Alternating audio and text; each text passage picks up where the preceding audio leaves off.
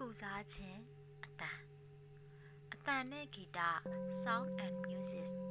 များသောအားဖြင့်လူသားရဲ့ခန္ဓာစိတ်နဲ့နှလုံးသားတို့ကို ကုစားခြင်းပြုလုပ်နိုင်ပါတယ်အတန်ကုတော့ sound therapy နီးနာကို စာသင်ကြောင်းဆေးရုံနဲ့စိတ်ပိုင်းဆိုင်ရာကုစားခြင်းအစီအစဉ်တွေမှာအသုံးပြုနေပါပြီခံစားရမယ့်အကျိုးကျေးဇူးတွေကစိတ်ဖိစီးမှုလျော့ကျမယ်။နာကျင်မှုတွေတက်တာမယ်။ အာယုံဆူဆိုင်လို့မရတာကိုကြော်လွှားနိုင်မယ်။လှုပ်ဆောင်နိုင်စွမ်းတိုးတက်လာစေမယ်။ရှေးဂရိနဲ့အိန္ဒိယတိုက်သားများဟာဂီတကိုကုတုံးတရက်အဖြစ်ကျင့်သုံးခဲ့ကြပါတယ်။အတန်မျိုးစုံသည်ကြားရသူထံမှတုံ့ပြန်မှုကိုထွက်ပေါ်လာစေပါတယ်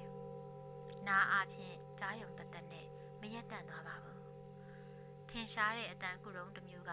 ဟိမဝန္တာတိဘက်ဖုံးတော်ကြီးများအသုံးပြုတဲ့ကျေးတပိတ်စင်ကင်ပူတိခတ်တံပဲဖြစ်ပါတယ်ကျေးတပိတ်ကိုတိခတ်လိုက်လို့ထွက်ပေါ်လာတန်ဟာစိတ်တည်ငြိမ်ခြင်းနဲ့တတိကပ်နေခြင်းများဖြစ်စေပါတယ်ကျမ်းမာနေတဲ့ခန္ဓာကိုယ်မှာတုံခါလှုပ်ရမ်းမှုတိုင်းသည် သူ့ရဲ့ချိန်နှုန်း frequency အလိုက်ဖြစ်ပေါ်နေပါတယ်မကျမ်းမာဘူးဆိုရင် ခန္ဓာကိုယ်ထဲမှာကြိမ်နှုံးများကအနှောက်အယှက်ပေးတတ်ပြီးအတန်တွေချွတ်ချော်နေတတ်ပါတဲ့အတန်နဲ့ဂီတကုစားခြင်းကိုအသုံးပြုလိုက်တာနဲ့တုံခါလှုပ်ရမ်းမှုတွေကခန္ဓာကိုယ်တစ်ခုလုံးစီပြန့်နှံ့စည်းဝင်သွားတယ်။ခွန်အားအသစ်ပြန်လည်ဖြစ်ပေါ်လာစေတယ်။လူခန္ဓာကိုယ်ရဲ့90ရာခိုင်နှုန်းကရေပါဝင်နေတာမှုအတန်ကရေအားဖြင့်ပြန့်နှံ့သွားနိုင်တယ်။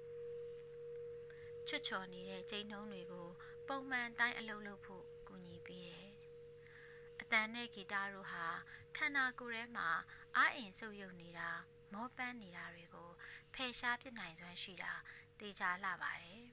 ။မိမိခန္ဓာစိတ်နဲ့နှလုံးသားများကို ကုစားကြည့်ဖို့တိဘက်ကျေးတပိတ်တိခတ်တန်ကိုနားဆင်ကြည့်ပါ။ပတ်ဝန်းကျင်ဖိအားနဲ့စိတ်ပိုင်းအကျက်အတဲခံစားနေရခြင်းများအတွက် ကျိုးတစုံတရာရှိစေ